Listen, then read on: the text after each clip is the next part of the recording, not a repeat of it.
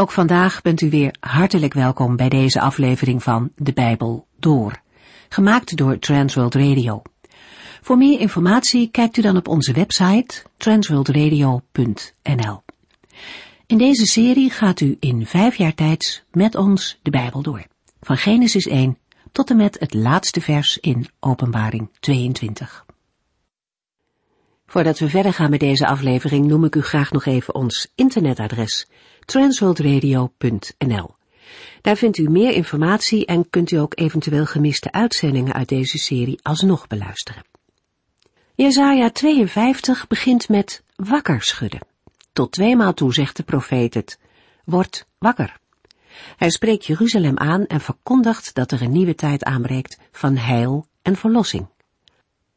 Hoewel de profetie in eerste instantie naar de Babylonische overheersing verwijst, ligt de volledige vervulling verder in de toekomst. De Heere zal zijn volk eens en voor altijd bevrijden en hen een veilige plaats geven om te wonen. Kenmerkend voor die tijd is dat de relatie tussen de Heere en zijn volk volledig hersteld zal zijn. Het volk zal de naam van de Heere kennen.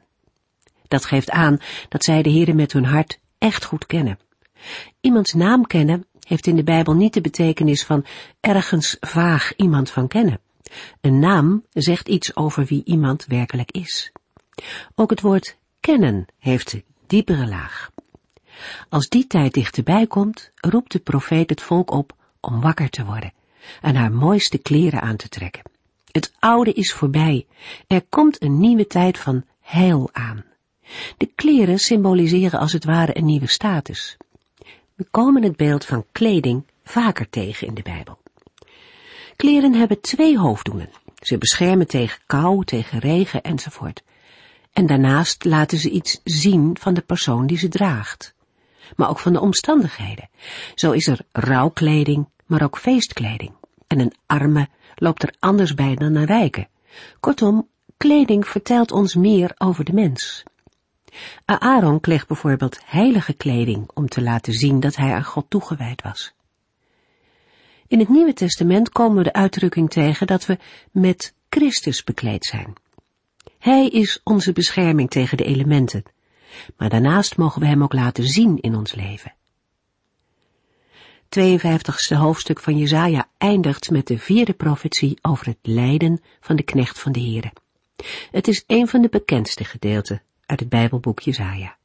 En vandaag lezen we dan ook verder. In de vorige uitzending lazen we, vanaf Jezaja 52 vers 13, het begin van een profetische beschrijving van de komende verlosser in zijn vernedering en verhoging. Het zal met de knecht of dienaar van de Heere, die in de toekomst zal verschijnen en al wat ooit in de wereld werd gezien ver te boven gaat, gaan door lijden tot heerlijkheid. In Jesaja 52 vers 13 tot en met 53 vers 12 wordt telkens naar voren gebracht dat dit alles het plan van de Heer is met zijn knecht en dienaar.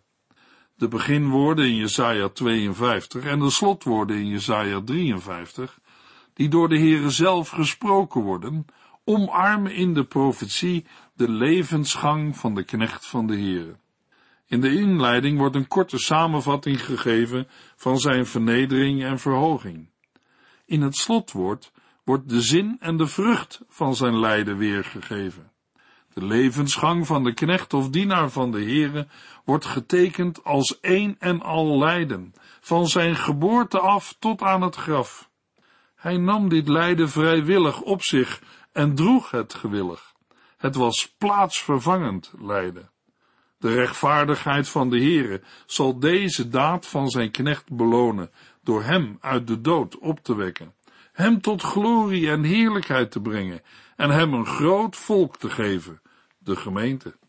In heel deze profetie wordt het geheim van de leidende knecht of dienaar van de Heere geopenbaard.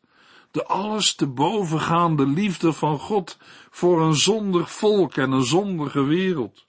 Deze liefdedaad van de Heere wordt door zijn knecht onthuld. In Jesaja 42 vers 1 tot en met 7 had de Heere dit al aangekondigd. Let op mijn dienaar, die ik mijn steun geef, die ik heb uitgekozen. Hij verheugt mijn hart. Ik heb hem mijn geest gegeven en hij zal recht spreken over de volken. Hij zal geen ruzie maken en niet schreeuwen. Op straat zal niemand zijn stem horen. Hij zal het geknakte riet niet breken, de kwijnende vlam zal hij niet doven. Hij zal recht doen aan wie onrecht is gedaan. Hij zal niet rusten voordat waarheid en rechtvaardigheid overal op aarde heersen en verre overzeese volken hun vertrouwen op hem hebben gesteld. De Heere God, die de hemelen schiep en uitstrekte, en die de aarde maakte en alles wat erop leeft, degene die iedereen die op aarde leeft adem en geest geeft, zegt tegen zijn dienaar, ik, de Heere, heb u geroepen om mijn rechtvaardigheid te tonen. Ik bescherm en steun u, want ik heb u aan mijn volk gegeven als een persoonlijke bevestiging van mijn verbond met hen. U zult ook een licht zijn dat de volken naar mij toeleidt.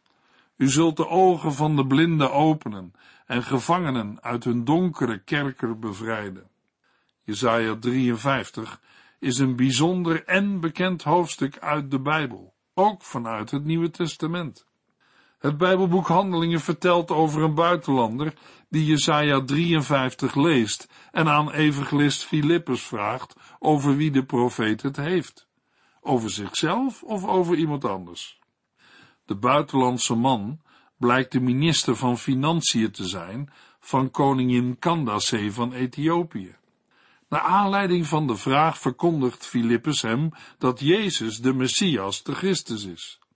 De eeuwen door hebben christenen steeds weer gewezen op hoofdstuk 53 uit het Bijbelboek Jesaja, om, net als evangelist Filippus, aan te tonen dat Jezus de Messias is.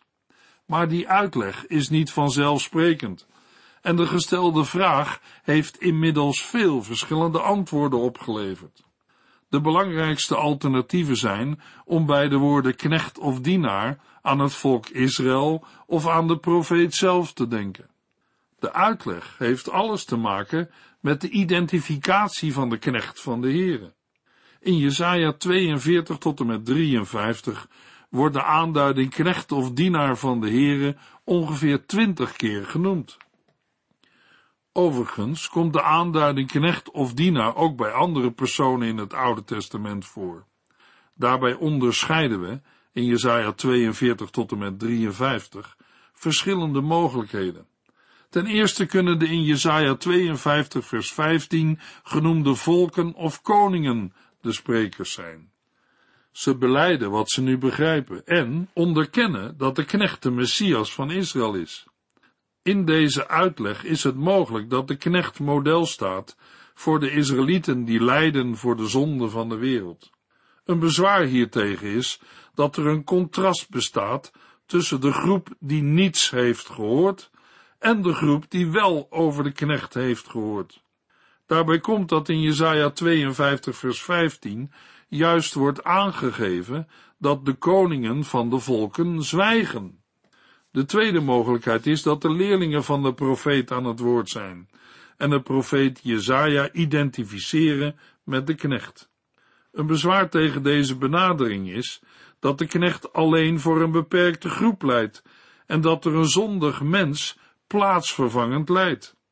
De derde en beste mogelijkheid is dat met de wij in Jesaja 53 vers 1 de gelovige rest van Israël wordt bedoeld zij vertegenwoordigen het volk als geheel.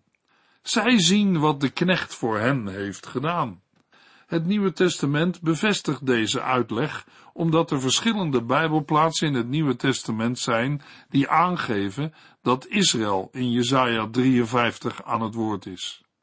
Het enige bezwaar tegen deze verklaring is de vermelding mijn volk in de Hebreeuwse tekst van Jesaja 53 vers 8 wat pleit voor een onderscheid tussen de gelovige rest van Israël en het hele volk.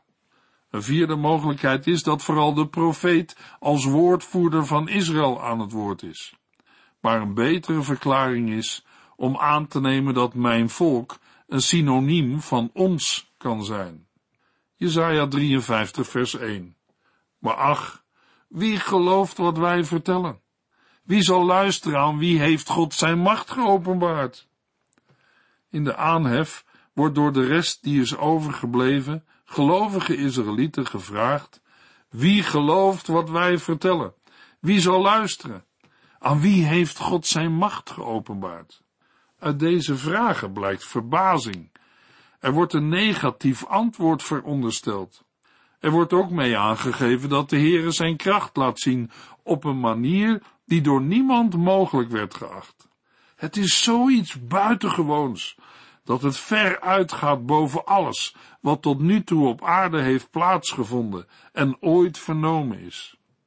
In Johannes 12 wordt de tekst uit Jesaja 53 vers 1 geciteerd. Daarover schrijft evangelist Johannes in Johannes 12 vers 42 en 43 toch waren er heel wat vooraanstaande Joden, die wel geloofden dat Jezus de Christus was. Maar zij durfden er niet voor uit te komen, omdat ze bang waren dat de fariseeën hen uit de synagoge zouden verjagen. Zij vonden het belangrijker wat de mensen van hen zeiden, dan wat God van hen dacht. Ook de apostel Paulus citeert uit dezelfde passage, uit Jesaja 52 vers 15b, als hij in Romeinen 15 vers 21 schrijft, ik hou mij aan wat in de boeken staat. De mensen die niets van hem wisten, zullen hem zien. Wie het niet hadden gehoord, zullen het begrijpen. Jesaja 53 vers 2 In Gods ogen was hij een groene scheut, die groeide aan een wortel in droge en onvruchtbare grond.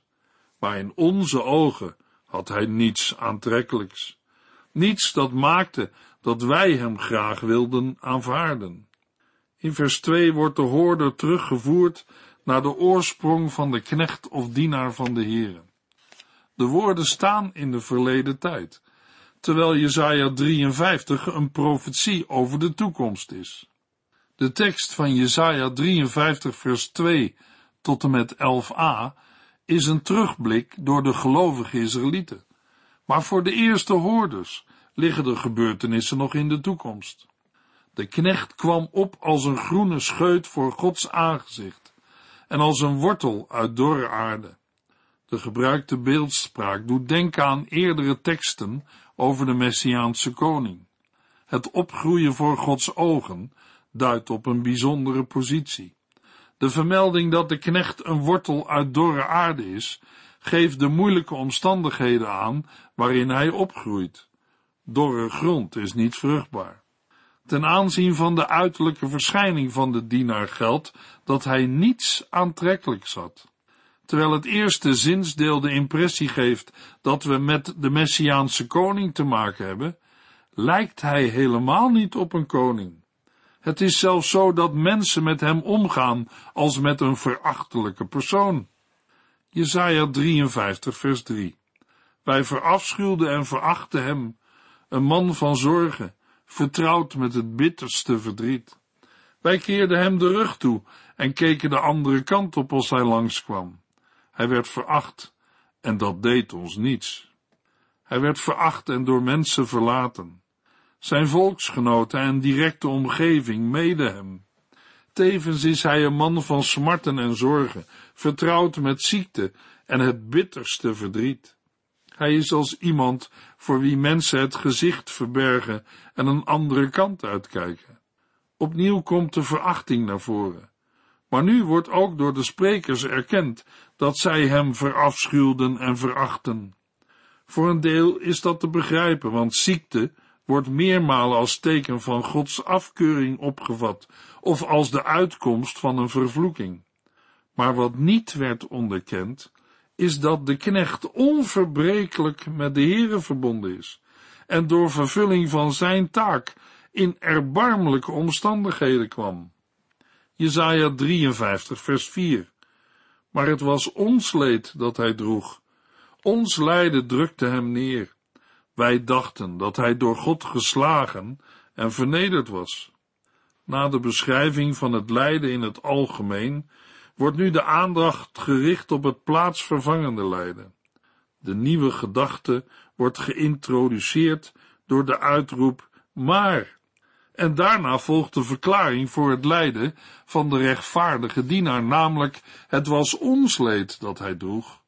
Ons lijden drukte hem neer.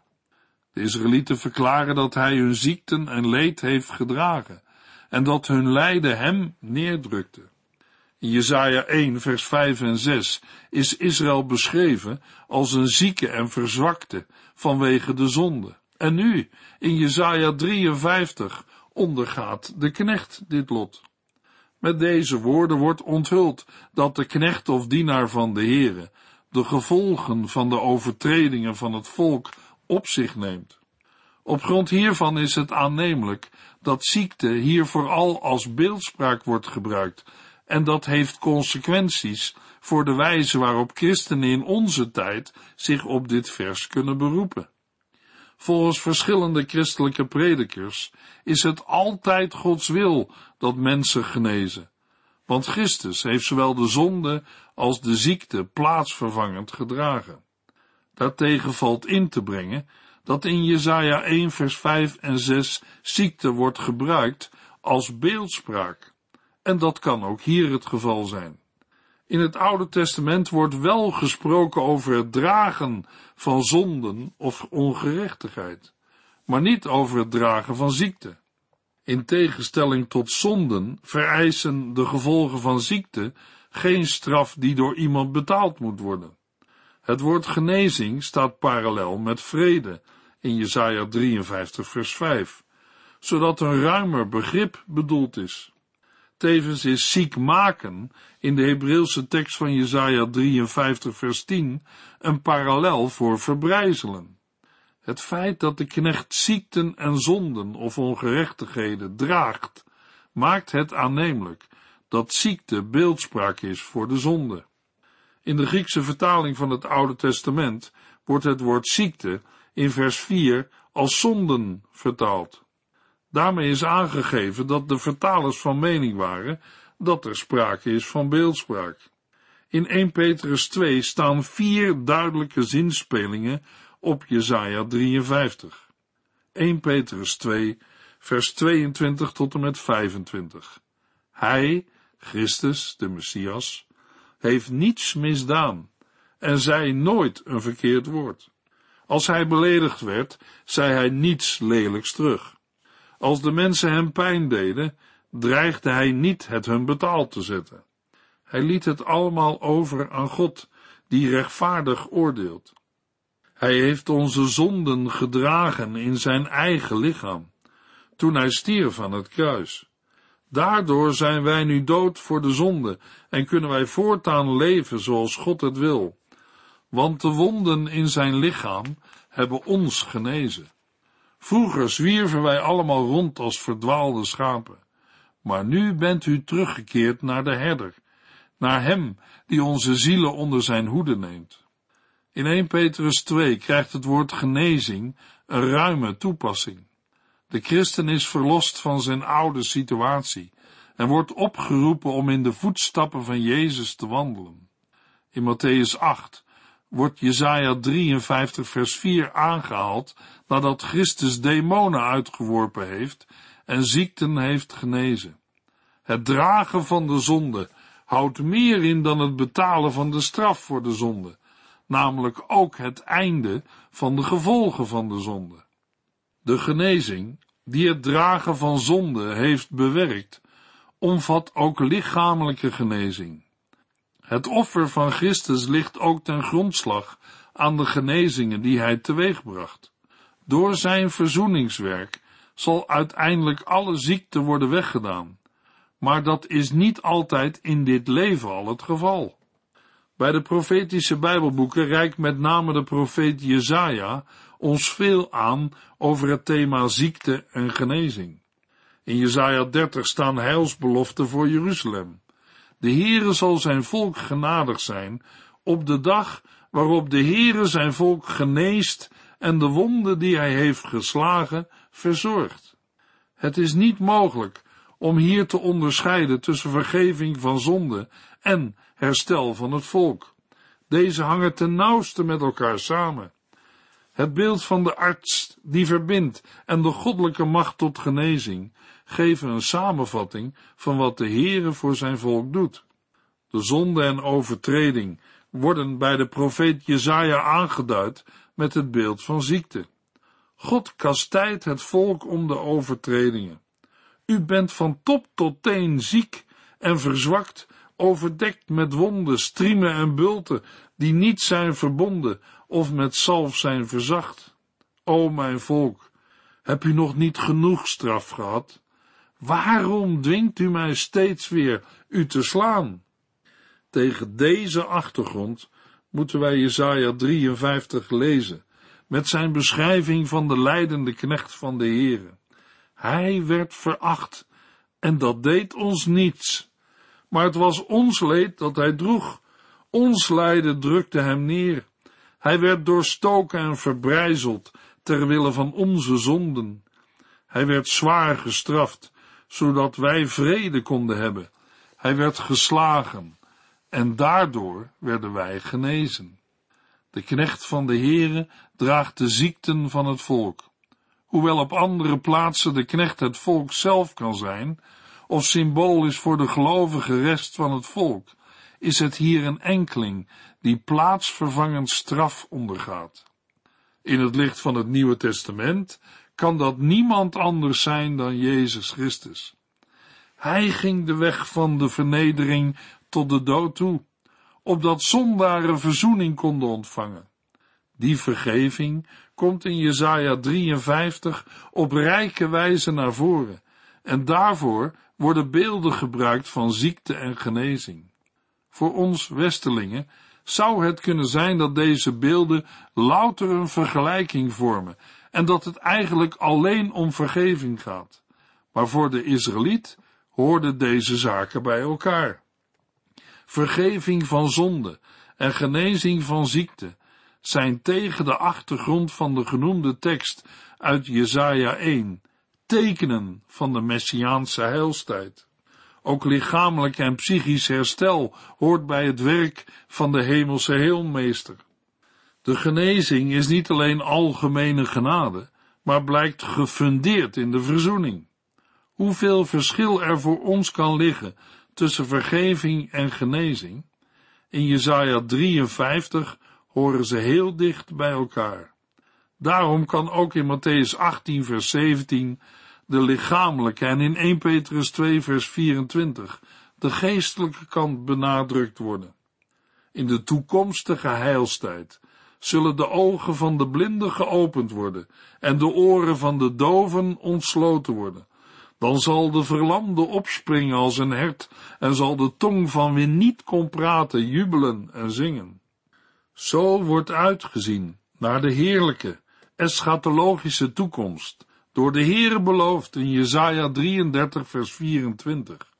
Het volk van Israël zal niet langer zeggen, wij zijn ziek en hulpeloos, want de Heere zal zijn volk de zonden vergeven en het zegenen.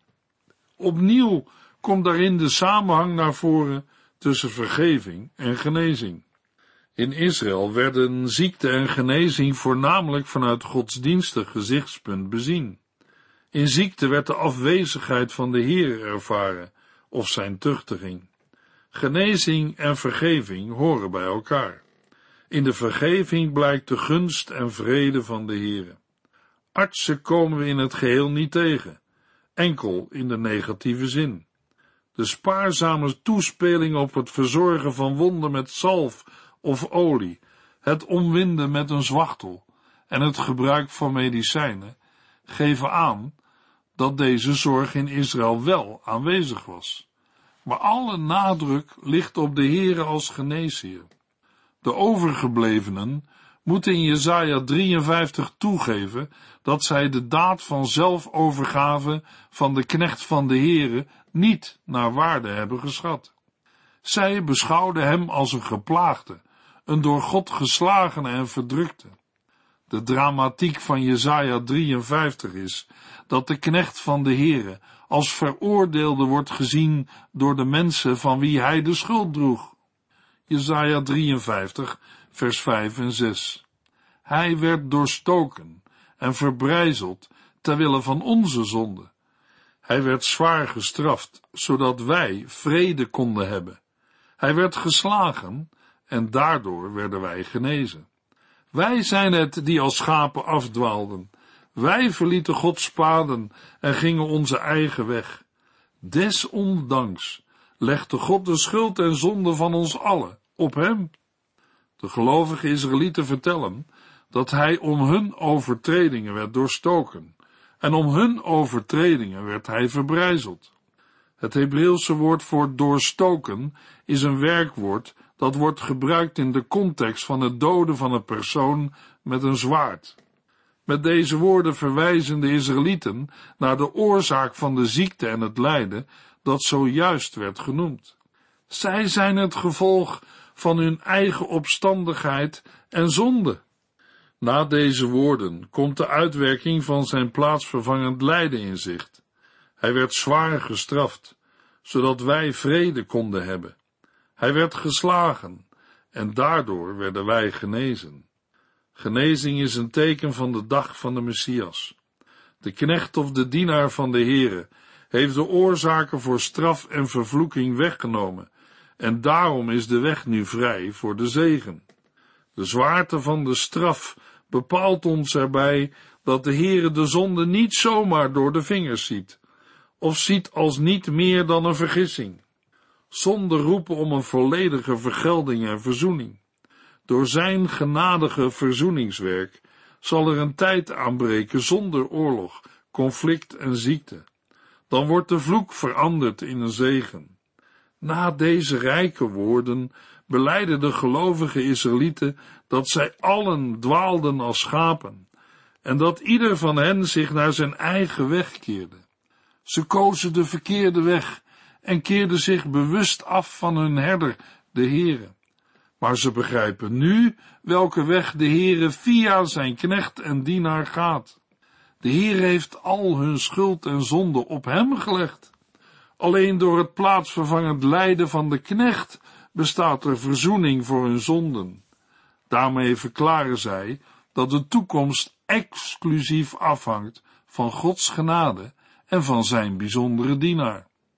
Luisteraar, ook voor u en jou hangt de toekomst exclusief af van Gods genade en van zijn bijzondere dienaar, Jezus Christus. Zoek hem in de volgende uitzending lezen we verder in Jesaja 53. U heeft geluisterd naar De Bijbel Door, in het Nederlands vertaald en bewerkt door Transworld Radio. Een programma waarin we in vijf jaar tijd de hele Bijbel doorgaan. Als u wilt reageren op deze uitzending of u heeft vragen, dan kunt u contact met ons opnemen. Tijdens kantooruren kunt u bellen op 0342 478432. 0342 478432. Ook kunt u een e-mail sturen naar de Bijbel door at transworldradio.nl en natuurlijk kunt u ook via de post ons bereiken. TWR, postbus 371, postcode 3770, AJ in Barneveld. Dit programma werd gepresenteerd door Cor Weda en Ike André. Techniek was in handen van Odin van Voorkom. En wij allemaal bedanken u voor het luisteren. Graag tot de volgende keer.